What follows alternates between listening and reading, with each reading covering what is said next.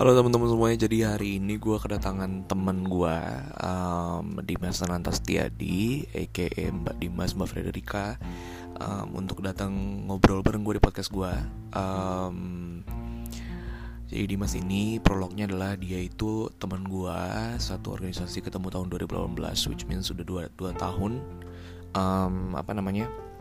berteman sama gue kenal saling kenal lah tapi kita intensnya itu dari tahun 2019 dengan teman-teman yang lain terus hari ini gue ngundang dia um, untuk bagi pengalaman karena karena gue tahu dia tuh banyak banget pengalamannya. Dia um, punya beberapa pernah nangan beberapa project terus ada juga um, pernah dan akan mendirikan um,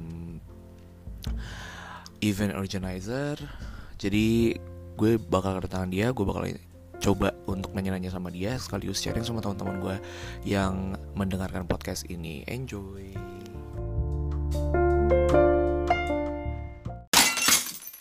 Halo Bang Dimas. Halo. Wow akhirnya ya. Kita sempat telat kemarin. Kita, kita tadinya tuh mau live Instagram. Ya kan? Iya. Cuman karena technical error, Hmm. error Akhirnya gue memutuskan cari jalan untuk gue buat post podcast di yang nanti bakal launch di Spotify dan lo bakal jadilah bakal jadi orang pertama yang masuk ke program Wow gue. Ini Asik. dimasukin ke Spotify Iya, nanti bakal masuk ke Spotify, nanti bakal bantuin gue untuk um, apa namanya um, promote. Nggak usah promote-promote yang lebih juga sih, maksudnya um, seenggaknya teman-teman yang lain tahu. Alright then Gimana Bang Dimas kabarnya ini udah udah um, puasa hari keberapa? 15 ada ya? Udah Iya ya kita. Puasa hari ke-18 Alhamdulillah lancar Alhamdulillah berarti ntar lagi ya lancar, gak ada yang bolong, Amin ya um, selama 18 hari itu lo lo gimana sih puasa tahun itu beda kan ya? Maksudnya um, euforianya itu beda um, terutama dengan adanya social distancing ini pandemi ini. Gue ngerasain banget kan gimana lo sengsara mau, mau nyari takjil nggak bisa gitu kan. Gimana tuh puasa tahun ini? Well Puasa tahun ini of course bakal jadi uh, history semua orang. Kayak uh, di puasa 2020 ini semua orang ngerasain momen yang berbeda even dalam kekhusyuan dan dalam religi yang maksudnya uh, standar religi yang sama tapi tetap aja kita semua nikmatin puasa kita. Even kita nggak bisa rame-rame tapi kita tetap puasa seperti biasa. Beda. Tapi gue ngerasa tahun Mm-mm. ini gue bersyukur banget. Biasanya itu tahun sebelumnya ya benar benar benar kayak malah jadi mungkin diberi diberi banyak lebih banyak Amin, ya. alhamdulillah sih. Gue ngerasa gitu. oke. Ah, gimana gimana? Iya, gue ngerasa kalau puasa tahun ini, meskipun dalam pandemi kayak gini, gue ngerasa bersyukur, lebih dekat sama keluarga, lebih sibuk kerja banget. karena tahun lalu kerja Iya, sih cuma jauh di Cikarang, Ah, tapi ini di Jakarta dan ya udah berjalan seperti seharusnya yang gue ekspektasikan. Hey, Oke, Em, mungkin lo sebelumnya lo boleh kenalin diri lo dulu kali ya buat teman-teman gue karena em, nantinya bakal banyak yang mungkin belum tahu lo ini siapa dan lo boleh kenalin dulu diri lo siapa. Mungkin em, gak usah kayak kenalan pas ospek, tapi lebih kayak lo tuh belakangan ini kesibukannya apa oke. gitu. Nama gue Dimas Ananta Setiadi, but everyone calls me Dimase. Eh, Mm-mm.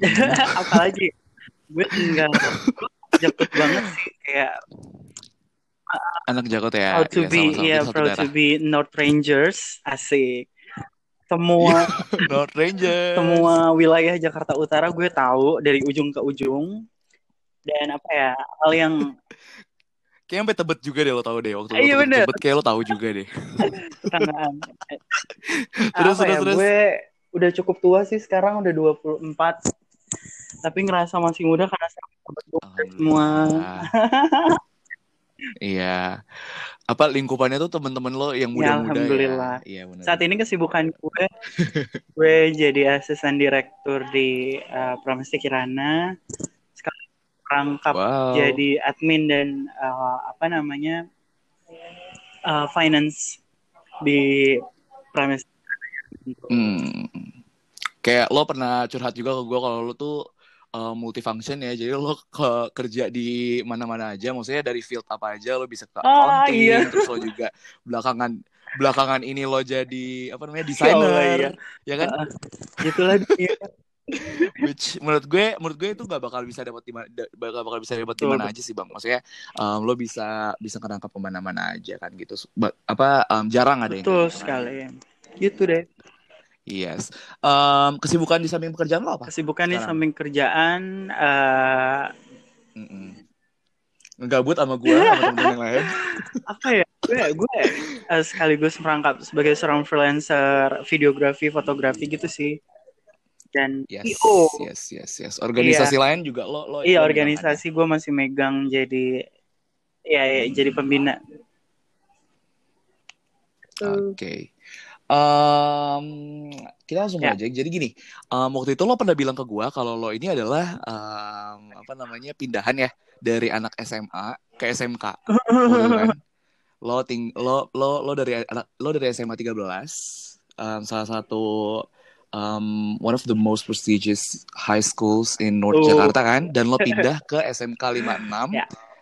Um, dan itu kayak dari ujung ke ujung dari dari Priuk ke Yes. Fluid ya. Dan lo lo gimana tuh maksudnya kayak gimana gimana lo bisa pindah dari SMA ke SMK dan lo merasakan gak sih euforia, euforia kehidupan um, di sana tuh bedanya gimana? Mungkin lo boleh cerita ceritain sedikit aja ke gue. Oke, gitu, mungkin kau bisa cerita sedikit ya, karena gue orangnya demen cerita. Oke oke oke. Oke, jadi ya Bebas, jadi waktu bebas, itu silakan, emang pas masa-masa SMP gue ah, udah udah terbayang gitu, Ah, bukannya sombong, ya, ya sombong Hmm. juga sih. Gue termasuk kalau anak-anak yang Iya iya pinter benar. dan Ya lo emang sombong kok. kalau anak-anak yang pinter dan terkenal gitu ya. Nah, Iya. terus kayak terus kayak Terus terus. pada mau masuk mana, pada mau masuk mana, 13 aja, 13, 13, 13 ya. Udah, akhirnya kita semua rata-rata hampir satu geng itu ikut ikut apa namanya? ikut tes gelombang. Dulu waktu zaman gua itu 13 Waktu itu lo tes ya, bukan bukan bukan Ah, PPDB karena waktu itu ya? inceran inceran gue tuh RSBI, which is kayak rintisan sekolah bertaraf internasional gitu. Dan satu-satunya Oke. dapet tuh cuma 13. Jadi ya udah kayak Oke, you know lah oke, 13 anjrit anak galas gitu. Iya tahu lah, tahu tahu anak galas. Terus terus terus. go there too.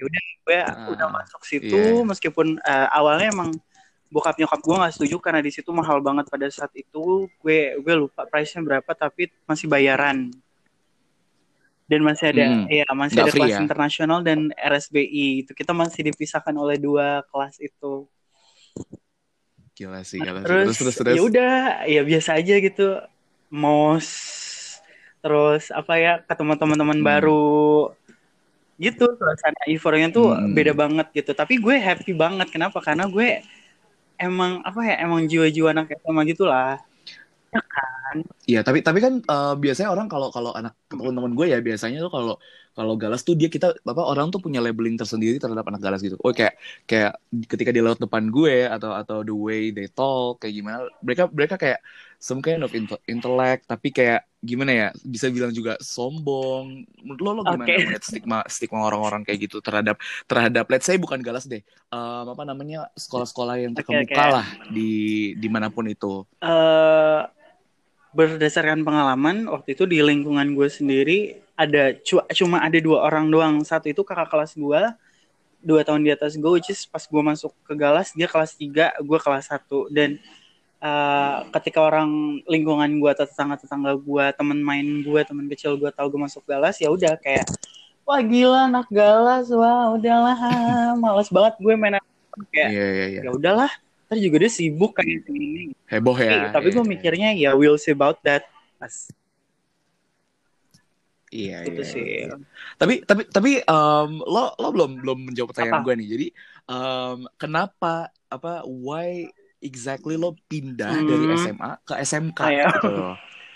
Kenapa tuh kan kan gue yang tahu cuma gue nih sebenarnya. Hmm. Lo boleh ceritain dulu gitu kenapa lo bisa pindah SK dari SMA ke SMK? sebenarnya reasonnya reason reason apa ya reason yang bisa dibilang ya ngapain juga harus pindah gitu sih kalau orang-orang dengar cerita Iya gue benar benar benar. jadi benar. gini waktu itu bokap Benar, gue bokap gue tuh megang kendali di daerah Pluit kan kerjanya emang di Pluit dan pada see, saat itu gue uh, dibeliin motor pada saat itu pada masuk eh masuk Hmm. SMA kan ya udah terus tiba-tiba Hmm. bokap gue bilang gini eh, bapak ada kenalan dia ini bos uh, Indofood nah bos Indofood ini nanti mau ngasih Hmm. beasiswa di SMK 56 dekat kantor bapak Oh. SMK RSBI juga satu-satunya di eh satu-satunya iya, enggak iya, sama tahu, SMK gua tahu, 4 gua nih kalau salah gue saingan waktu itu sama SMK 4 Iya. tapi Tapi SMK 56 kan yang paling Iya, besar kan, um, kayak punya pulau the sendiri. most Terus, gitu terus. kan terus Iya, terus paling kayak terus, terus. kayak gue nggak respon gue nggak respon bokap gue pada saat itu dan waktu itu gue inget banget gue inget banget bokap gue ke sekolah bokap gue ke sekolah waktu itu kan Hmm. HP masih HP HP jadul gitu kan zaman gue Mm. bokap gue sekolah terus bokap gue pas udah ketemu sama guru-guru guru-guru di apa di ruang wakil kepala sekolah apa kalau nggak salah waktu itu eh, gue langsung Ini 56 apa di di 13? 13 nih? Terus waktu itu Oke. kayak eh, ini susah gue dipanggil lah terus akhirnya gue pulang dulu pada saat itu karena banyak banget Hmm. tiba-tiba disuruh ngurusin berkas yang luar biasa banyaknya itu kayak Iya, mau iya, pindah iya. warga negara Ribet juga ya Oh, iya, ya? gitu. Ah. karena pada saat itu Terus, ya terus. nggak nggak pernah ada kayak nggak pernah ada gitu yang pindah dari SMK SMK Yang pindah iya. ya. Dan juga ngapain juga pindah gitu. Iya, tapi ini reason yang gue nggak tahu bokap gue ngomong apa, ya karena juga gue pada saat itu belum bayar full, kalau nggak salah ya, belum bayar full ke sekolah Mm-mm. itu, ya udah akhirnya gue diminta apa, gue diproses satu di kelurahan, RT RW kelurahan, kecamatan, kecamatan gue Koja, terus kecamatan ke uh, penjaringan Pluit sana juga dimintain, terus gue kayak Mm-mm. dimintain surat-surat apa gitu dari sekolah SMP gue kalau bayangin dari SMP gue kan kalau Iya, iya, iya. pas masuk tuh gue udah dapat NISN dong supposed to be ya ya kan Iya, NISN. iya, nah harusnya. terus akhirnya gue ngurus NISN ulang gue ke dinas uh, sudin pendidikan kalau nggak salah di wilayah nggak tahu Iya, iya. mana Wilayah wilayah satu sih eh wilayah dua biasanya. Wilayah yang di- 19. So tau Ya, banget ya gue. Iya, iya, habis iya. itu ditolak tuh sama dia kan karena alasannya emang ya kenapa harus pindah Eh, kan Iya, gak tahu bokap gue ngomong apa pada saat itu karena gue cuma ingetin bokap gue doang ya udah dari sudin pendidikan Dan intinya lo Ah, pindah enggak. gitu. Boleh dibolehin pindah. nggak boleh pindah mbak sebenarnya kak mbak lagi Oh, Maksudnya em, apa namanya? Secara, secara perizinan. secara perizinan gitu. nggak boleh ya. satu dari dari pihak galasnya tuh kayak mempersulit of Oh, course see. terus dari pihak kedua Iya, tuh pihak apa sudin pendidikan ya sudin pendidikan Pendidikan ya, studi, studi kayak pendidikan. kayak benar-benar Malah biasanya lebih lebih ribet juga sih kalau kalau kalau lo Nah. nanya udah di sekolah nggak dibolehin ke Sudin tuh bakal lebih ribet lagi. benar gitu. banget terus lo tahu waktu itu bokap gue bawa Iya, surat iya. dari kantor gitu kalau nggak salah dari Mm-mm. apa Indofood itu eh, apa Indofood you know tahu kan Indofood Iya tahu tahu Nah, tahu tahu. terus tahu, tahu. dia bawa surat surat itu dikasih ke nggak tahu dikasih ke mana terus habis itu gue langsung ke dinas pendidikan DKI Jakarta you know itu jauh banget Gila, itu jauh banget. Senayan ya mau, mau, mau ke arah Jakarta samping iya. balai balai balai. Ah, ah, ya. nah, Nah, pokoknya dari eh, dari dinas pendidikan itu eh, ya udah turun suratnya pada saat itu terus gue ngurus lagi ke sudin pendidikan eh gue gue cuma berapa lama sih di Galas ya? Gue nggak inget lupa. Pokoknya ya udah pada saat Hmm. itu gue langsung gue langsung bilang sama eh, orang-orang terdekat gue sih itu Beksa kayak gue mau pindah. Lu pindah? Perasaan baru masuk gitu. Lu gak, lu gak bangga jadi jadi di sini. Of course gue bangga gila lo. Ya ya udah akhirnya gue pindah. Dan lo tahu saat Iya. itu pindah ya pindahnya itu officially gue gue Iya pindahnya. ikut tes ulang karena SMP itu kan Ulang. penjurusan kan Iya iya. kan nah iya even gue dilihat raportnya bagus tapi kalau misalnya nanti dilihat tesnya nggak bagus ya nggak diterima juga Iya, sama aja ya. gue pada bakal panik terima kayak iya. anjir gue masuk sini di tes masuk sini juga di tes terus masuk SMK apa nih gue gue masuk jurusan apa ya udah of course pada saat itu nilai gue keluar tinggi gue ingat banget 8,32 kalau nggak salah Wow, 8,32 tinggi ya. masuk ke multimedia. Dan akhirnya akhirnya masuk. iya multimedia. Gue bingung kan multimedia ya. Sebenarnya ada jurusan apa gambar bangunan gitu kan sipil gitu. Gue tadi Iya. gitu Iya. ya udah akhirnya masuk multimedia. Dan lo tahu orang-orang di situ semuanya kaget. Eh masa ada anak baru? Eh masa ada anak baru? Eh gitu dan dan, Heboh ya. dan iya gue nggak heboh. tahu sama sekali gue cuma tahu belakang sekolah itu tuh RSBI kan SMK Negeri 56 Jakarta RSBI of course masih bangga tapi ternyata ketika gue Ah. telisik histori sekolah itu itu STM 12 Fluid which is itu Iya, STM tahu. paling terkenal dengan keributannya pada saat itu. Wah, man, I'm iya. iya. What? Gue tahu, gue tahu, terus gue tahu, jadi gue tahu banget sama SMK 56 tuh gue tahu banget. Uh, Gua- pokoknya gue kaget kayak anak lo lo pindah dari SMA Galas ke 56 ya sebenarnya kalau bisa dibilang ya apa namanya sebenarnya reputasinya sama-sama tinggi tapi ini background dari masing-masing sekolah kayaknya beda, Beda gitu dan gue agak kaget gitu. dan gue gue kira ini menarik banget kalau misalnya buat temen-temen gue tahu. iya Oke. Itu. Um, sampai di di 56. Sedih banget. gimana gimana gimana? Iya, jadi pada saat itu ya udah gue officially jadi anak 56. Kayak gue dapet nick baru. Harusnya kan kalau anak Nih Iya, nomor induk keluarga N. dong. NISM. NSN sama nomor absen. Iya. Biasanya kan kalau anak baru itu absennya itu kalau nggak di paling atas paling bawah kan. Nah gue di paling Iya, atas iya. dong tiga tahun tuh berturut-turut. Hmm. Dua, satu. Heboh dipanggil paling pertama. Hmm. Dan lo tahu gue langsung ganti nama di sana demi apa pun. Ganti nama apa? tuh? iya, jadi kan uh, apa namanya di di ijazah gue kan uh, Dimas Anantastia di waktu SMP ke SMA tuh Mm, Dimas mm. Anantastia di pas gue masuk SMA itu nama gue Dimasnya kan hilang kan. Jadi yang tahu eh tapi yang tahu tuh cuma anak-anak SMA doang. Nah, gue waktu waktu di SMA juga masih dipanggil Dimas, tapi pas gue pindah ke 56 gue minta dipanggil Dinan. Dinan, oke. Dinan. Dan itu gue baru tahu loh. Itu itu kayak Gue itu gue baru tahu sekarang. ya, Dinan. Dinan Ananta. Oke. Dan sampai sekarang nggak teman-teman lo, lo teman-teman lo manggil lo sampai sekarang Dinan Dinan. atau Ananta. Gue di sana nggak nggak ada yang kenal gue sebagai Dimas di sana. Dimas. Oke. gue baru tahu sumpah lo ada ada nama panggilan Dinan. Iya. Oke, um, nextnya nih, um, dari circle pertemanan tuh, yang menurut lo kan Ah. lo bilang kalau um, tadi gue sempat kutip um, waktu lo di sebelum masuk galas ya, Hmm. waktu lo sebelum masuk galas, um, lo itu sempat kayak sama temen-temen lo ya, maksudnya kayak gue mau masuk galas nih gitu-gitu ya tadi ya, pokoknya Iya. kayak semacam berkom- kompromi gitu sama temen-temen lo, dan which means ketika lo pindah ke SMK lo meninggalkan mereka kan, dan gimana tuh circle pertemanan lo dari SMA ke SMK itu perubahannya gimana? Of course teman-teman deket gue pada kaget kan. Dan lo tahu pada Mm-mm. saat itu eh gue kan biasa banget ya hari Jumat itu. Gue selalu sholat Jumat. Dari Hmm. mungkin dari S dari TK SD SMP sampai SMA kalau SMA kan waktu itu seingat gue tuh 13 belum ada masjid deh kalau nggak salah. Seingat gue ya. Oke, masjidnya tuh di belakang. Sekarang udah ada ya? Iya, Gue gak tahu jadi juga kalau kalau mau sholat Jumat tuh pasti keluar kalau nggak salah. Oh, oke. kita masih pulang jam 12 gue pindah ke sana setiap hari Jumat jam 10 gue pura-pura sakit. Mm-mm. gue pasti izin pulang selama hampir tujuh minggu which means kayak beberapa bulan. Setiap hari Jumat Wow, gitu. Karena kenapa? Kenapa tuh? gue kangen sama teman-teman gue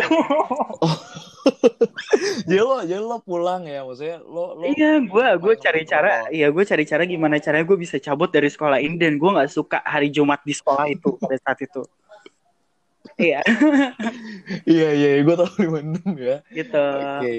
kalau circle Jadi itu yang circle circle pertemanan. gue gue pas mau masuk kelas eh, pas mau masuk semester 2 gue baru punya temen baru punya temen Hmm. awalnya gue masuk situ gue mau langsung ikut paskibra kan karena waktu itu gue langsung ikut paskibra gue ikut paskibra Hmm. dan temen gue cuma paskibra doang baru semester 2 gue mulai berani jadi ketua kelas sampai tiga tahun Wih. sampai dua tahun Oke. Um, beranjak dari masa masa SMA nih. Hmm, hmm. Um, berarti lo kan sempat kuliah ya itu ya, di, di UMN dulu kan lo? iya Oke. Um, gimana kehidupan kampus lo yang juga pindah dari UMN ke BSI? Jadi kayak ini Tahu unik nih, Jo. lo SMA pindah, Heeh. SMA pindah, Hmm. terus uh, apa namanya, lo kampus apa kuliah lo juga juga pindah gitu. Lo sempat cerita sama gue kemarin dan lo boleh mungkin boleh boleh ceritain teman-teman gue gimana tuh lo bisa pindah kuliah juga. Oke, sebenarnya kalau pindah kuliah sih enggak sih jatuhnya gini. Gue cabut atau bisa dibilang drop out. Hmm, Baru oh iya, oh iya, salah kayak salah salah. setahun- Iya kemarin lo sempat bilang drop out ya. Tahun. Iya, iya. apa dua tahun kemudian gitu gue lanjut lagi kuliah gitu. Kenapa Karena waktu itu? karena pada saat itu UMN itu ngasih beasiswa tapi beasiswanya itu enggak enggak full 100% gitu kan. Gue cuma dapat 50% kalau nggak salah. Hmm, Dan iya iya. iya. hal yang bikin gue nggak kuat adalah jaraknya itu gue sampai nginep di Gua gua rumah teman gue di Pluit buat kuliah di sana Iya. selama beberapa hari terus gue pulang ngambil baju ke rumah gue kuliah lagi gue nginep di rumah teman lagi. sana itu gila sih Iya. Itu pun belum sama kegiatan lo pernah ikut kegiatan kampus apa sih sono di UMN waktu lo di apa di UMN? nggak sempet sih gue gue eh, Udah sempet ya. sempet mereka tuh baru oprek tuh setelah gue cabut ya kalau nggak salah dua bulan Hmm, jadi lu bener-bener cepet banget ya di Iya. kampus gue oprek tuh ada kali. Ya berarti lu cepet banget. Oke, dan lo langsung langsung saat itu juga langsung lo pindah ke BSI atau lo ada gapnya bentar dulu? ada gap lama sih nggak bentar Ngapain tuh lo gap itu? Tapi gue kerja pasti karena gini waktu itu eh, bokap gue emang masih di Indofood kan cuma gue mikir Mm-mm. ternyata beasiswa gue mahal banget kalau misalnya kalau misal gue harus tetap bayar gitu. Bokap gue nggak mampu Hmm. ya udah ya udah gue cabut berani kan. Ya udah gue kerja deh dari 2014 15 apa 2015 ya gue lupa. Sampai ke Hmm. 2016 gue masuk jadi mahasiswa lagi tuh tahun 2016 gap dua tahun apa satu Hmm. setengah tahun gue lupa gitu Oke, berarti berarti lo belum sempat apa namanya ikutan waktu itu tadi ikutan apa namanya kegiatan mahasiswa di kampus UMN lo? belum Ya kan? tapi gue tapi Belum dan itu gue ngincer sinema sinema protnya OMN which is itu oke. gue apa namanya eh, Production Liao. production sinematik ya. iya Chandra Liao dia kakak tingkat Oh iya iya iya. Iya gue tahu gue tahu gue tahu, tahu, tahu. Iya iya iya. Dan em, berarti berarti pas berarti ketika lo di BS waktu lo di BSI ya ini ya. Gue bicara waktu lo di BSI Mm-mm. em, itu apakah di saat itu lo pertama kali ikut organisasi? Dan kalau iya mungkin lo boleh boleh kasih tahu apa? Ini maksud gue organisasi pas ma- mahasiswa ya. Oh, Kan kalau organisasi sekolah lo udah pernah ya. oke oke Kalau di mahasiswa gitu, pas lo jadi mahasiswa. Eh, organisasi mahasiswa pasti ada ada bem jurusan gitu ya. Dan lo ikut itu nggak? Nggak. bem apa Iya. senat ya gue gue ikutnya yang senat sih senat Oh, senat, oke. senat. gue ikutnya senat terus gue ikut kayak apa Eh, perkumpulan perkumpulan mahasiswa Himpunan, himpunan. himpunan sorry ya kan? himpunan mahasiswa jurusan penyiaran Hmm, Oke. suka bikin film tapi lebih ke kelas eh, penyutradaraan gitu itu sih Oh. Itu yang itu organisasi-organisasi yang lo ikutin. iya heeh. Ketika lo waktu masih mahasiswa di BSI ya. iya di BSI Kampus lo di BSI Rawamangun ya waktu itu ya. iya BSI pemuda Oke. Em, ini agak belok nih dari yang tadi kita bicarain. Gue Oke. gue mau nanya sebenarnya, Hmm. em, menurut lo ini masih di circle mahasiswa. Hmm. Sebenarnya penting gak sih peran organisasi bagi mahasiswa itu menurut lo? penting banget sih Penting banget itu kenapa? Kalau menurut karena karena gue juga em, apa namanya gue juga ikut organisasi kan. Tapi gue um, to be honest gue belum belum mungkin karena emang gue belum apa namanya belum terlalu apa ikutan ya beberapa program mereka. Tapi gue belum merasa ada kliknya gitu sama ketika ketika lo karena ketika lo harus lo masuk ke organisasi satu organisasi lo harus ngerasain klik itu kan. betul Dan gue belum ngerasain gitu. Dan menurut lo gimana tuh? Penting gak sih buat mahasiswa gitu untuk ikutan organisasi? Opini gue pribadi pasti penting banget Iya, pribadi aja. kenapa Oke. karena setiap organisasi itu nge ngasih bekal yang penting dan berbeda ya dan Hmm. spesifik dan khas juga untuk kalau secara pribadi eh di organisasi itu lo nggak cuma dapat ilmu lo juga bisa ngerubah behavior lo bakalan Yes. tahu lo bakalan ngasihin gratitude gratitude gratitude yang yang Yeah. lebih lagi sebelumnya dan lo ngerti tentang pemahaman pemahaman di dalam berorganisasi itu kayak gimana which is uh, being leader tuh kayak gimana sekretari tuh kayak gimana terus kayak uh, being treasure kayak Pengalaman gimana. ya. Iya benar terus kayak dalam organisasi kalau misalnya kita ngadain sidang tuh kayak gimana, ngadain eh, pemira atau pemilihan raya itu kayak gimana. Itu benar-benar ngasih bekal itu sih dan dan menurut gua kalau misal lo sebagai mahasiswa nggak ikut organisasi satupun di kampus, seems like lo Nyesel ya. lo lo nyebur ke kolam yang banyak eh apa ya kolam yang bisa diminum tapi lo cuma Hmm. doang cuma Tapi lu cuman Udah. berenang doang ya. cuma nyelam doang Iya iya. minum air itu Minum doang iya. ya iya. gitu Oke. itu sih Um, kita tinggalin organisasi dulu nanti akan gue singgung lagi ke depannya karena kita punya apa namanya karena gue punya pembahasan khusus untuk organisasi. Asik. Kita lebih ke generalnya nih. Baiklah. Tadi gue masih sempat ma- apa mahasiswa menurut lo masih tentang opini lo Baik. menurut lo tuh mahasiswa itu apaan sih? Karena gini karena gini karena gini. Gue ngelihat bahwa gini um, gue ini adalah maba ya maksudnya gue masih maba karena gue masih dua dua semester ya satu semester. Entar lagi gue naik ketiga apa tingkat dua gitu. Ketika gue masuk apa belajar sebagai mahasiswa gue ini berpikir bahwa ternyata beda gitu loh. Maksudnya ternyata beda um, siswa dengan mahasiswa gitu. Gue siswa tuh kayak kayak mungkin lo sependapat sama gue lo apa kita disuruh sur- disuruh gitu. Maksudnya disuruh. Kalau apa namanya kalau ketika gue mahasiswa loh kenapa gue harus berdasarkan inisiasi ya? Jadi kayak gue bertanya ke diri gue kenapa gue harus bukan kenapa gue harus kuliah tapi kenapa gue harus apa namanya um, ngikutin uh, apa namanya perintah entah dari perintah dosen buat bikin makalah dan lain sebagainya. Dan itu berdasarkan kemauan inisiatif gue dan menurut gue di sekolah gue nggak dapet itu. Itu itu satu contoh ketika gue jadi apa uh, pengalaman gue jadi mahasiswa masih meskipun masih dua semester ini gitu. Dan menurut lo apa tuh esensi dari mahasiswa sendiri tuh gimana? Hmm agak berat sih. Maksudnya pertanyaannya cukup susah ya. Tapi kalau misal gue boleh beropini em, menurut gue pribadi eh, mungkin ini sama jawabannya kayak orang lain secara general. Mahasiswa itu ya lo atau ya masyarakat yang yang lagi belajar di perguruan atau di pendidikan yang paling tinggi gitu. Pendidikan yang paling tinggi Oke. itu university. Benar kan? Tapi iya kalau misalnya lebih di eh, apa namanya spesifikin mahasiswa atau mahasiswa itu ya calon sarjana. Ya Hmm. yang apa ya yang diharapkan menjadi calon-calon eh, intelek bangsa Indonesia. Yang berdampak ya bagi masyarakat ya. Sih aduh jawabannya terlalu serius gue ya. Iya iya it's okay karena itu Gitu it's sih. your opinion iya gitu. Mm-mm. Oke, um, terakhir dari bidang pendidikan lo nih ya. Um, lo juga lo bilang kalau misalnya lo konselor, konselor, ya, Mm-mm. ya. Kan, konselor ya, betul betul sebutnya ya, konselor dalam pemilihan minat mahasiswa. Ada nggak yang lo mau sampein ke adik-adik di luar sana yang mau milih jurusan biar nggak salah jurusan? Karena um, gue sendiri pun masih merasakan yang namanya uh, mungkin mungkin baru-baru pertama ya maksudnya baru-baru dua semester pertama gue udah ngerasain kayak gue udah gak nyaman. Padahal kan kita nggak kita nggak tahu masih ada enam semester yang lainnya gitu. Mungkin lo ada ada mungkin lo ada ada yang mau disampaikan nggak? Maksudnya biar biar biar yang lain tuh jangan sampai salah jurusan gitu. Well, teruntuk adik-adik gue, ya adik-adik gue yang sekarang Adik-adik. gap year atau lagi kelas 3 yang lagi bingung mau masuk apa, Hmm. satu hal kunci yang bisa gue kasih ke kalian adalah satu, lo coba sering baca buku deh, sering baca buku.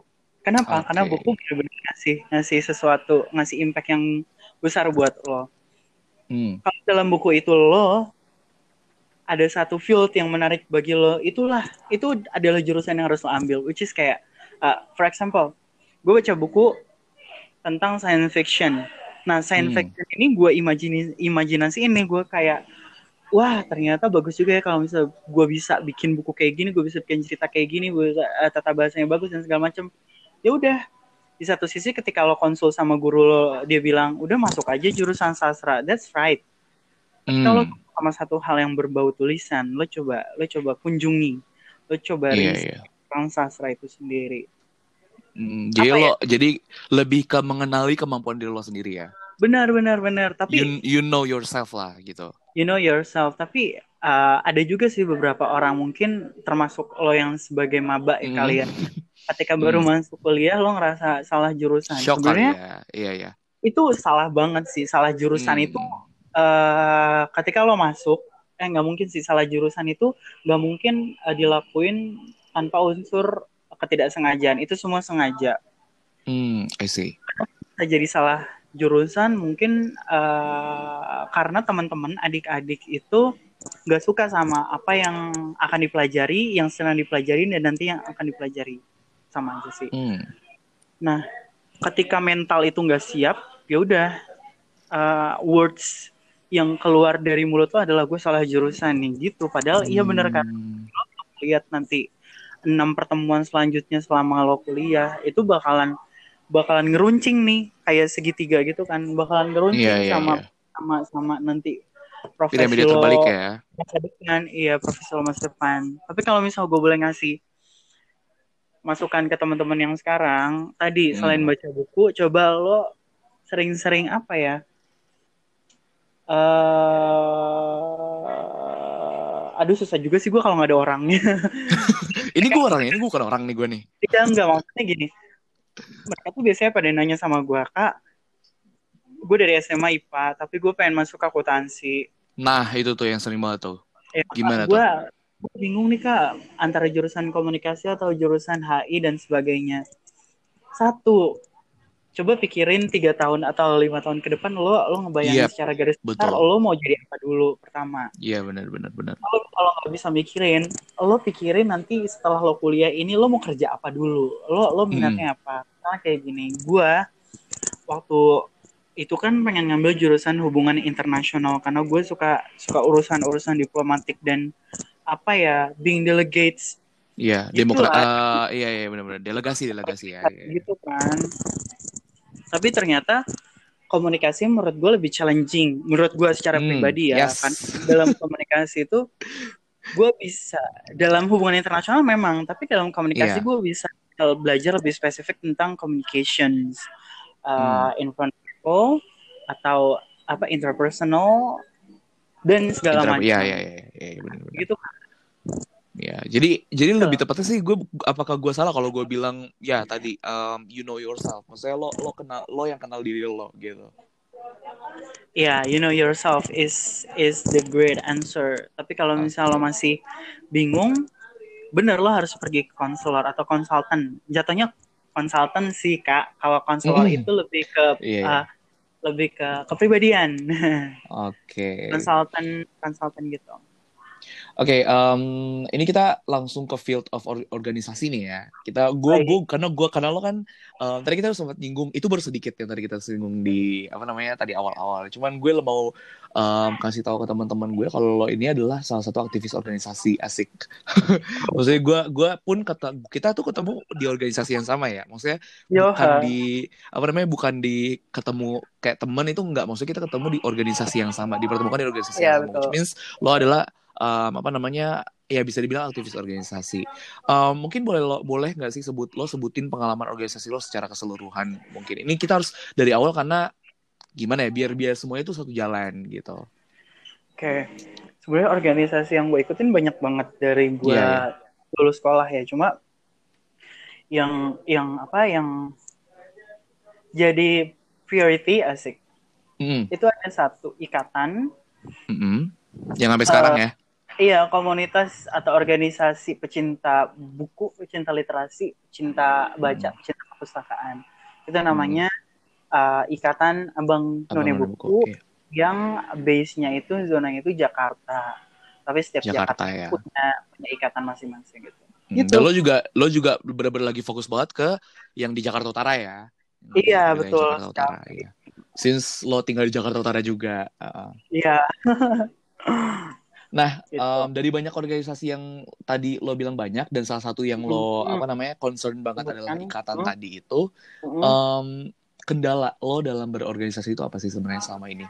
Kayak gue ngeliat lo tuh selama ini organisasi ya udah gitu, maksudnya um, let it flow, kayak kayak santai tapi tetap tegas. Tapi maksudnya kayak gue nggak ngerasa lo tuh pernah goyah asik. Tapi gimana tuh? Maksudnya lo punya sebenarnya punya nggak sih kendala dalam berorganisasi itu dan apa? goyahnya goyah ya goyah yang lo maksud ini maksudnya gue pengen cabut dari Uh, organisasi Nah, ya mungkin mungkin atau atau bisa dibilang em, kalau cabut kita terlalu terlalu istilahnya terlalu ini ya. Mungkin bisa dibilang capek dan lo redup dan lo lo menghilang Hilang. bener-bener literally menghilang ya, nggak yang kayak apa namanya um, dikit-dikit um, apa meskipun bentar lo nanya kabar dan sebagainya. Ini bener kayak hilang. Lo pernah gak sih kayak gitu? Nggak menafikan gue pasti pernah ngerasa gundah galau dalam satu Oke. organisasi. Tapi kalau misalnya eh, di organisasi yang jadi priority gue saat ini sekarang. Mm. sekarang which is eh, Ikatan Abang None Buku Jakarta gue ngerasa grateful. Asik. Hmm, rasa grateful. bersyukur yang rasa bersyukur gue pernah dilahirin di situ gue pernah bergabung di situ sih. Karena satu keluarga ya. ya gue gue jadi sehebat ini maksud gue ya gue bisa sehebat ini dikenal banyak orang sampai waktu itu. Pernah jadi apa dokumentatornya Ibu Tinia Budiati yang lagi Hmm. audiensi berdua sama Pak Ahok di ruangannya Pak Ahok sebagai gubernur ya Hmm. ya itu cukup membanggakan buat gue. Iya. tahun berapa itu? Waktu itu sorry 2015 dan lo jadi Oh. masuk di ikatan itu tahun? 2013 wow it's been a long year. Berapa tahun sih? Tujuh tahun ya? Udah ya tujuh tujuh tahun Ya udah hampir 8 tahun lah ya. Oh Allah. my god. Nggak Gitu. time flies ya? Maksudnya cepet banget ya? Iya, sumpah ya. kayak lo sampai gak ngerasain. Iya, gitulah. Kalau misal lo berada dalam satu keluarga atau lingkung ruang lingkup pekerjaan, organisasi, komunitas yang lo ngerasa di situ tempat lo, lo, lo akan lo akan Iya, nyaman akan akan nyaman dan akan kapan pun gitu. apa namanya moreover lo bakal lebih tekun lagi ya lebih lebih apa namanya resilient lagi terhadap terhadap Iya. apa yang lo ada di situ di organisasi itu ya oke em, lo tadi bilang juga em, lo berada di salah satu ikatan ikatan Hmm. ya maksudnya ikatan nih gue Iya. men- mencium bau-bau solidaritas bau-bau ikatan tuh kan kayak apa ya em, bener-bener filosofi yang apa ya yang yaitu solidaritas terus em, apa namanya integritas dan sebagainya apakah solidaritas itu dibutuhkan banget dalam dalam dalam dalam sebuah organisasi menurut lo Of course, pastilah gitu. Ya masa Iya. gue bilang gak gila kali ya, tapi pastilah. tapi pasti. tapi gini kita kita nggak munafik kita nggak munafik Mm-mm, let's say apa namanya kita kita kita em, apa namanya agree to argue ya Em, apa kan tadi gue lo bilang pasti ya maksudnya lo udah dengan yakin pasti gitu tapi kan ada Hmm. orang yang ada ada dalam dalam organisasi itu kita nggak bisa singkirin yang namanya egois right Ya. Mm-mm. dan itu bukannya it break di apa namanya em, solidarity itu ya kan? Ya. dan maksudnya itu kan salah satu racun kan kalau egois itu kan itu kan salah satu ya bisa dibilang racun. Dan gimana tuh maksudnya em, kalau lo bilang itu pasti diha- diharuskan gimana tanggapan lo untuk orang-orang yang mungkin bisa dibilang egois gitu selfish dan lain sebagainya?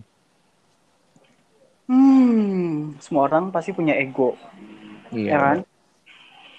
Tapi Semua tapi kalau ego ego sampai sorry nih ya gue potong lagi nih ya. Tapi Hmm. kalau ego sampai me- sampai menjadi apa namanya egois itu sampai seakan-akan jadi prioritas dan bukan sol- solidaritas dari sebuah organisasi menurut gue itu bukan bukan ego dari diri sendiri sih. Iya sih, tuh kan kita jadi berdebat. Oke Tapi- gimana gimana jadinya organisasi itu orang-orangnya pasti ada psikanalisis juga dong. Dalam psikanalisis itu kan ada tiga benar ide ego superego ya kan. Mm-mm. struktur psikis yang terpisah tapi ini tuh tetap tetap uh, apa ya relatable gitu loh. Menurut Hmm. gue dalam organisasi kalau misalnya nggak ada solidaritasan nggak akan nggak akan langgeng satu. Iya benar. Akan akan terus terguncang asik terguncang. Terguncang apa ini terus terus? ya udah akan terus nggak bertahan lama lah intinya ya. akan terus mengalami kegagalan dalam berpendapat, dalam menemukan musyawarah, dalam musyawarah mufakat dan sebagainya. Karena kalau misal lo bilang eh, kalau dikaitin sama orang yang ego, kalau dalam organisasi yang benar itu, ketika ada satu ego yang keluar dari satu orang, ya teman-teman organisasinya kan itu kan keluarganya kan. Itu gimana Hmm. caranya itu harus harus Merangkul ya. understand. Benar. Yang pertama itu harus harus memahami dulu kenapa dia bisa Iya. sampai mengeluarkan statement yang mana akhirnya berspekulasi dia itu egois banget selfish dalam organisasi ini. benar benar Sebenarnya nggak boleh gitu. Kita harus dengerin pendapat dia dulu kenapa dia bisa sampai ngeluarin statement kayak gitu. Baru siapa tahu siapa tahu siapa tahu dari organisasi itu pun ada yang masalah ada yang bermasalah kan kita nggak tahu benar benar benar banget. sampai akhirnya bisa buat orang itu step back dari organisasi Hmm. itu kan Betul banget. Jadi eh, solid itu ya kalau misalnya ego itu bisa dituntaskan dengan kesolidaritasan, of course, of course. good answer Gini aja kan. Kalau enggak gini aja misalnya dalam satu organisasi nih. Mm. Atau gini deh, gue contoh ya dulu waktu zaman-zaman gue masih ngurusin organisasi itu ya zaman 2013-14 tuh waktu join-joinannya anu, ikatan Mm. kan eh, ruang lingkupnya besar ya Jakarta gitu, which is ada Hmm. Jakarta Utara, Timur, Barat, Selatan, eh, Pusat, Kepulauan Seribu. Ketika ada satu satu kelompok, satu kelompok ini berarti wilayah wilayah ya Mm. yang di- disangka egois. Nah kita berusaha. eh, tapi tapi tapi sorry sorry gue cut nih ya sorry gue cut Hmm. ini kita no Hmm. offense ya kita nggak nggak Hmm. nggak me- nggak me- nggak me- ini siapa siapa ini cuma tadi nggak membicarakan aja ya. siapa-siapa ya, iya iya. Hmm. Nah, kita coba Terus, terus, kita terus. coba. Nah, ketika ada satu misal ada satu uh, statement yang akhirnya me- mengeluarkan spekulasi kepada yang lain kalau misalnya dia itu selfish, kita tembak gini aja. Weh, lo nggak inget apa lo kemarin habis jalan-jalan, kita habis jalan-jalan, kenapa tiba-tiba lo mengeluarkan Hmm. uh, pendapat yang seakan-akan lo tuh nggak di nggak dikasih kebebasan, nggak dikasih kebahagiaan, nggak dikasih kesenangan, nggak dikasih pendapat sama kita. Hey, Hmm. kita di keluarga lo gitu. iya benar Akhirnya- benar Akhirnya gue setuju apa di ego dia tuh redup gitu. Iya ya, anjrit kayak oh iya kemarin gue jalan-jalan sama dia tujuh hari tujuh malam di Amerika gitu. Masa ya gua ego Amerika ya Hmm, oke Solid. solid itu bisa meruntuhkan segala bentuk uh, sikap-sikap buruk dalam organisasi. ya, ya jadi yang pertama tadi gue bilang solid ya yang pertama Mm-mm. solid sih Hmm. Oke, em, terakhir di case nih ya, gue mau daripada kita terlalu banyak apa ngambil opini, gue coba mau apa mau, mau kita telah bareng-bareng case-nya karena gue mau nanya, jadi sebenarnya gue ini punya apa tipikal yang em, kalau ketika ketika gue memberikan, let's say gue kasih tugas ke teman gue satu organisasi, or let's say kita satu organisasi gue kasih tugas ke lo, misalnya, Hmm. maksudnya bukan kasih tugas, maksudnya kita bagi- berbagi tugas gitu, kan? dan um, lo ini gak sesuai ekspektasi gue gitu pasti Hmm. lo pernah kayak gini kan maksudnya kayak gue minta um, ini deadline segini segini, segini dan Hmm. dia nggak dan nggak mengerjakan itu. Dan gue biasanya langsung kayak mengambil tindakan ngambil project itu. Maksudnya gue langsung um, kasih apa gue balikin lagi ke diri gue dan untuk ke depannya gue nggak bakal percaya lagi sama dia. Gitu. Saya pun kalau gue percaya ya gue hanya kasih yang memang kapasitasnya dia aja gitu. Um, lo setuju nggak? Maksudnya lo lo tipe kayak gue nggak sih? Kayak gitu well itu bisa bisa dibilang bisa sebe- sebenarnya selfish cuman cuman gue nggak itu nggak bisa dibilang selfish juga sih lebih ke gue gimana ya susah juga penempatannya dan gimana lo ada nggak yang pemikiran kayak gitu Pasti ada ya, pasti ada. Hmm. Jujur, jujur gue eh, awalnya ya, awalnya pada saat gue belum tahu situasi, eh, ternyata gue udah dewasa sekarang. Mm-mm. dulu dulu ketika gue awal ikut organisasi ya gue kayak gitu tipikal orang ketika gue jadi lead ada anak buah atau anak uh, uh, temen gue yang nggak bisa ngerjain sesuatu dengan tenggat yang sudah ditentukan Mm-mm. marah gue handle ya udah gue nggak percayain dia lagi mungkin kalau dipercayain Hmm. mungkin uh, case nya sedikit gitu tapi nggak nggak Mm-mm. bener-bener ngebuang dia di dalam ruang lingkup komunitas atau dalam ruang lingkup kerja ya Mm-mm. gitu gue pernah jadi lo juga lo juga melakukan hal tersebut ya gue melakukan tapi pada saat uh, beranjak uh, Sekarang. semakin dewasa semakin dewasa hal tersebut tuh, tuh salah sih sebenarnya itu selfish Iya, yang benar, yang iya. uh, Ah, itu- sikap itu gue- harus benar gue nyadar sih sebenarnya gue nyadar gue Hmm. nyadar cuman ya gitulah ya iya karena oke tipikal orang pemimpin yang baik itu bukan bukan uh, mematahkan mematahkan apa ya semangat kerja dari orang itu meskipun orang itu salah Hmm. gitu. Tapi kita iya. masuk dia. Kita Hmm. harus ngomelin kita harus negasin dia biar dia tuh sadar. Tapi caranya bukan Hmm. meng- menghandle apa yang harus dikerjakan sih. Oke. Nggak harus nggak Oke. harus buang rasa trust lo. Iya itu sih. Lo nggak boleh Hmm. ngebuang rasa trust lo dengan organisasi lo. Udah itu sih Um, Oke, okay, um, kita udah selesai apa namanya um, live lah apa istilahnya kehidupan lo udah selesai. Yeah. Maksudnya gue juga udah tahu gitu beberapa.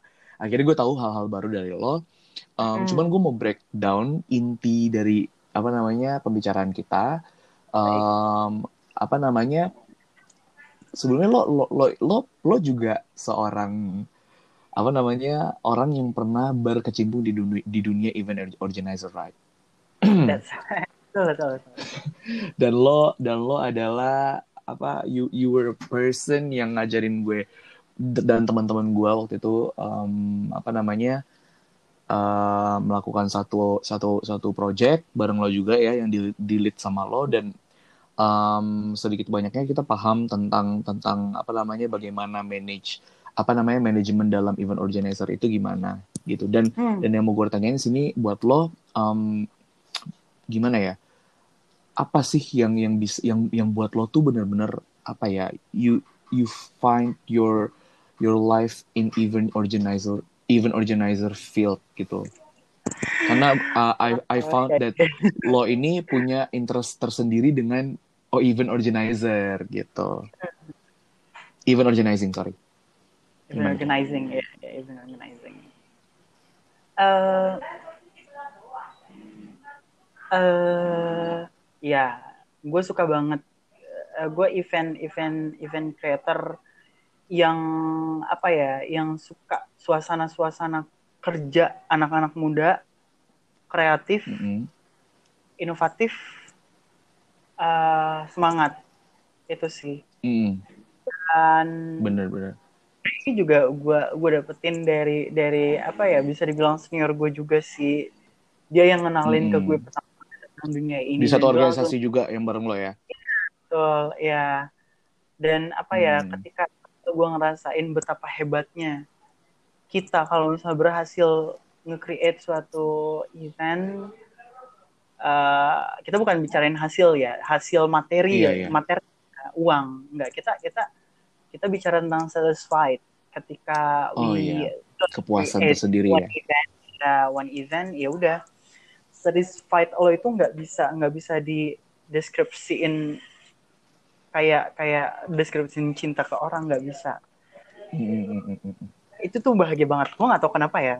Hmm, itu itu udah jadi, kayak lo lo punya fantasi lo tersendiri ya. Maksudnya bukan yeah. fantasi um, apa namanya ke ke ke apa ya ke kepuasan lo sendiri dalam dalam yeah. meng, mengurus itu ya apa namanya event-event itu dan benar banget benar banget karena okay. ketika karena kerja di event organizer itu jujur ya yang nggak tahu sih yang yang pengen suasana terjun terus ketika terjun dia kaget dia langsung cabut ya, ya satu dia nggak siap sebenarnya orang orang event organizer itu nggak cuma senang senang doang lo ketemu artis lo lo dibayar lo lo ketemu siapa siapa uh jauh dari itu lo beda lo akan ya capek. jauh dari itu ya iya itu wah iya, gila iya. karena gue juga gue juga sama teman-teman gue kan kemarin ngurusin salah satu program juga ya uh, program uh, project sama lo juga bukan salah satu malah salah dua ya salah dua pro project bareng lo berbarengan yeah. dan nggak tahu tahun ini ada lagi atau enggak um, dan gue ngerasa bahwa jelas sih apa namanya um, ternyata uh, the life of event organizing itu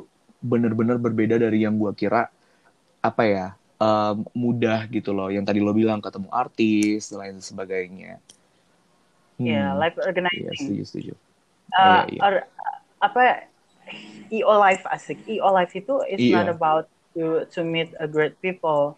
With a great hmm. people it's just bonus. Is it's how you create and satisfy people around you, people outside, people out there, and you know, make your own satisfied hmm. with your your own event. Oke, okay. um, Oke, okay, uh, lo lo juga bi sempat bilang ke gue kalau lo ini mau mau amin ya, amin. Lo lo sedang merancang merancang salah satu event IO sendiri, maksudnya event yeah. organizer sendiri ya. Wow.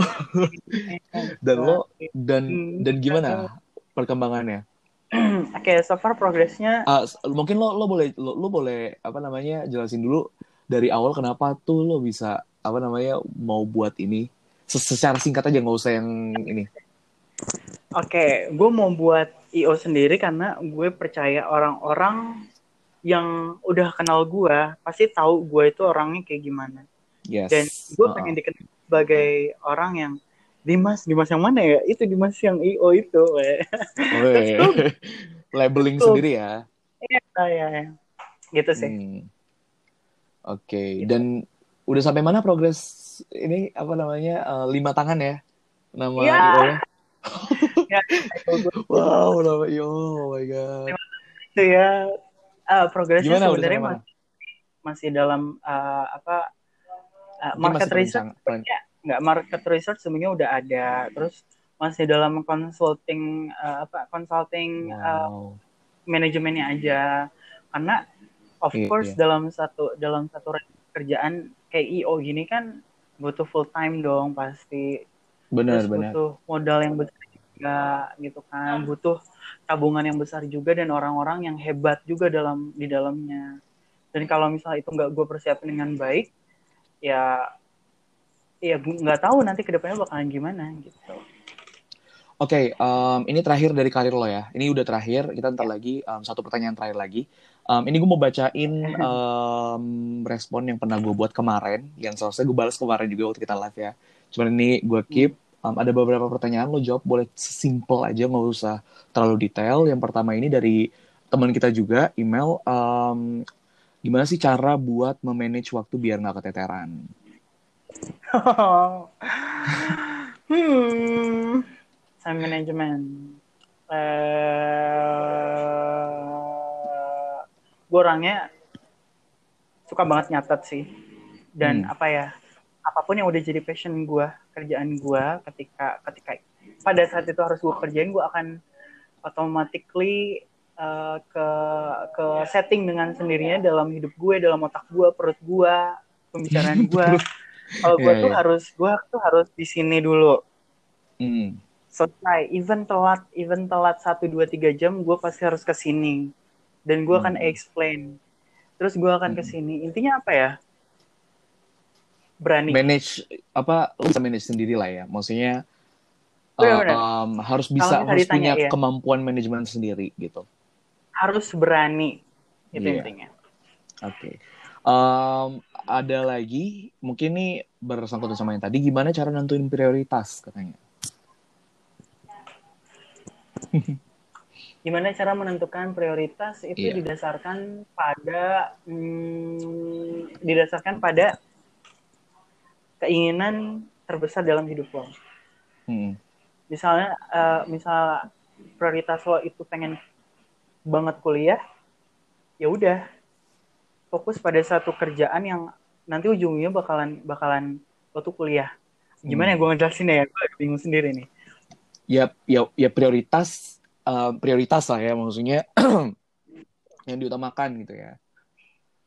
Kalau lo Hmm. cinta sama satu satu hal lo akan memprioritaskan itu. Iya benar benar Kalau- cintanya cuma 90% otomatis itu kurang. Lo Iya, kurang kurang. prioritas. Harus benar-benar apa sih itu namanya love to the fullest lah ya.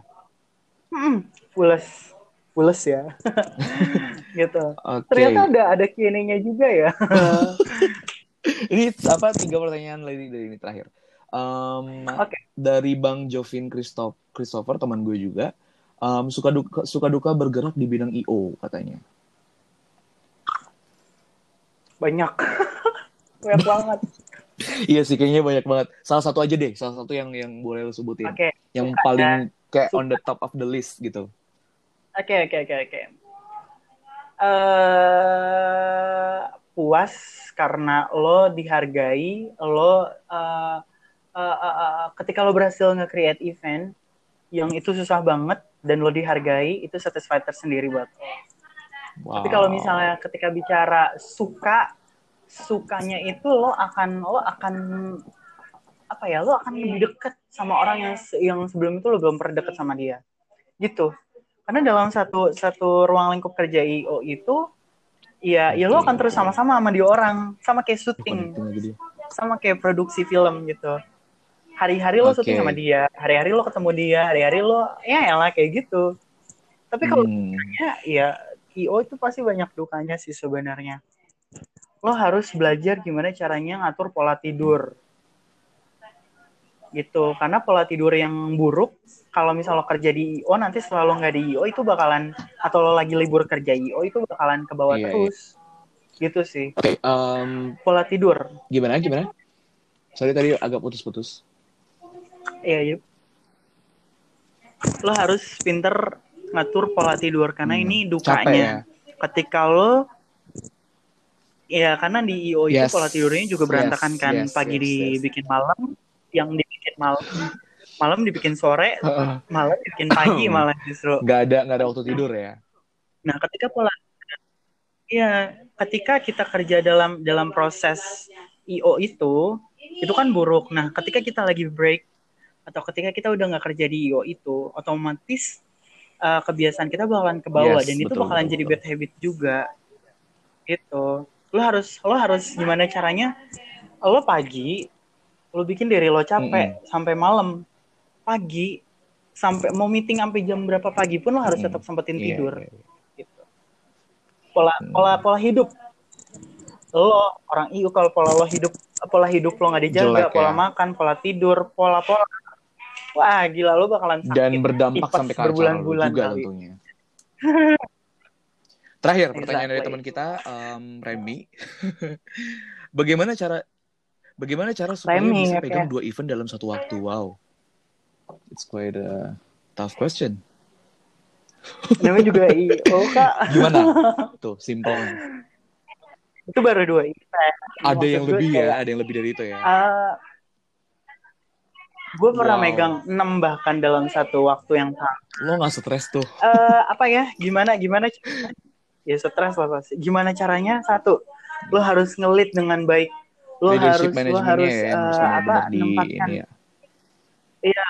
manajemen eh, positioning eh, eh, kalau dalam itu apa ya jatuhnya ya ketika dalam satu event dalam satu event acara lo jadi lead juga lo harus Hmm. punya asisten yang bagus sih Apa namanya? Teman kerja yang gitu bagus sih juga ya. biar megang Pertanyaan terakhir Dari banget, udah terakhir nih ya. Em, gimana harapan Boleh. lo buat boleh. Indonesia ini? Karena kan kita em, sedang eh, apa namanya lagi dihadapi dengan pandemi ya. Dan ntar lagi kita juga, iya Indonesia. Kita Indonesia nih. muluk kalau lagi kita Indonesia. Karena kan ini pandemi nasi- internasional juga kan. Nah, gimana nih kan ntar lagi lo bakal apa namanya ngadain ibadah eh, hari raya Lebaran juga kan? Gimana? Apa namanya? Mungkin lo punya Hmm, harapan em, apa namanya buat mungkin buat pemerintah, Iya. masyarakatnya dan lain sebagainya. Oke, harapan gue pasti gue pengen Indonesia to be Yes, better than yesterday.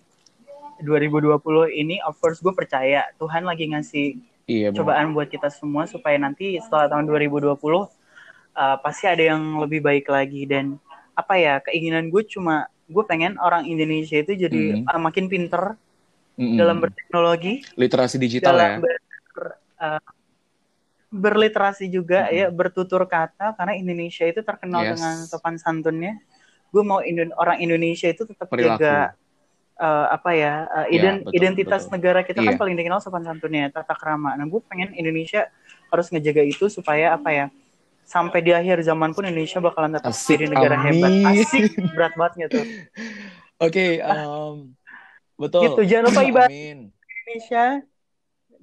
Oke, Bang Dimas, em, thank you banget udah da- udah mau ngobrol bareng gue di podcast pertama gue. Ya, gue minta doa, gue minta Yeay, doanya biar bisa berkembang karena em, lo to be honest adalah salah satu orang yang menginspirasi gue untuk membuat apa namanya em, podcast ini. Jadi lo kayak gue tempatin khusus jadi episode pertama gue. Em, thank you banget terima Bang Dimas. kasih. gue berdoa biar lo bisa menjalankan ibadah puasa lo. Tinggal berapa hari lagi? Em, tiga dua ya dua Minggu dua belas hari lagi ya sepuluh hari lagi 10 hari 10 12 Iya, hari 12 hari. lagi. Semoga jangan sampai ada yang bolong tentunya. Dan di lebaran tahun ini Amin. biar dapat lebih banyak berkah. Oke. Thank you banget bang Dimas sorry sorry Makasih. waktunya kayaknya masih di kantor. Masih. Oke thank you bang Dimas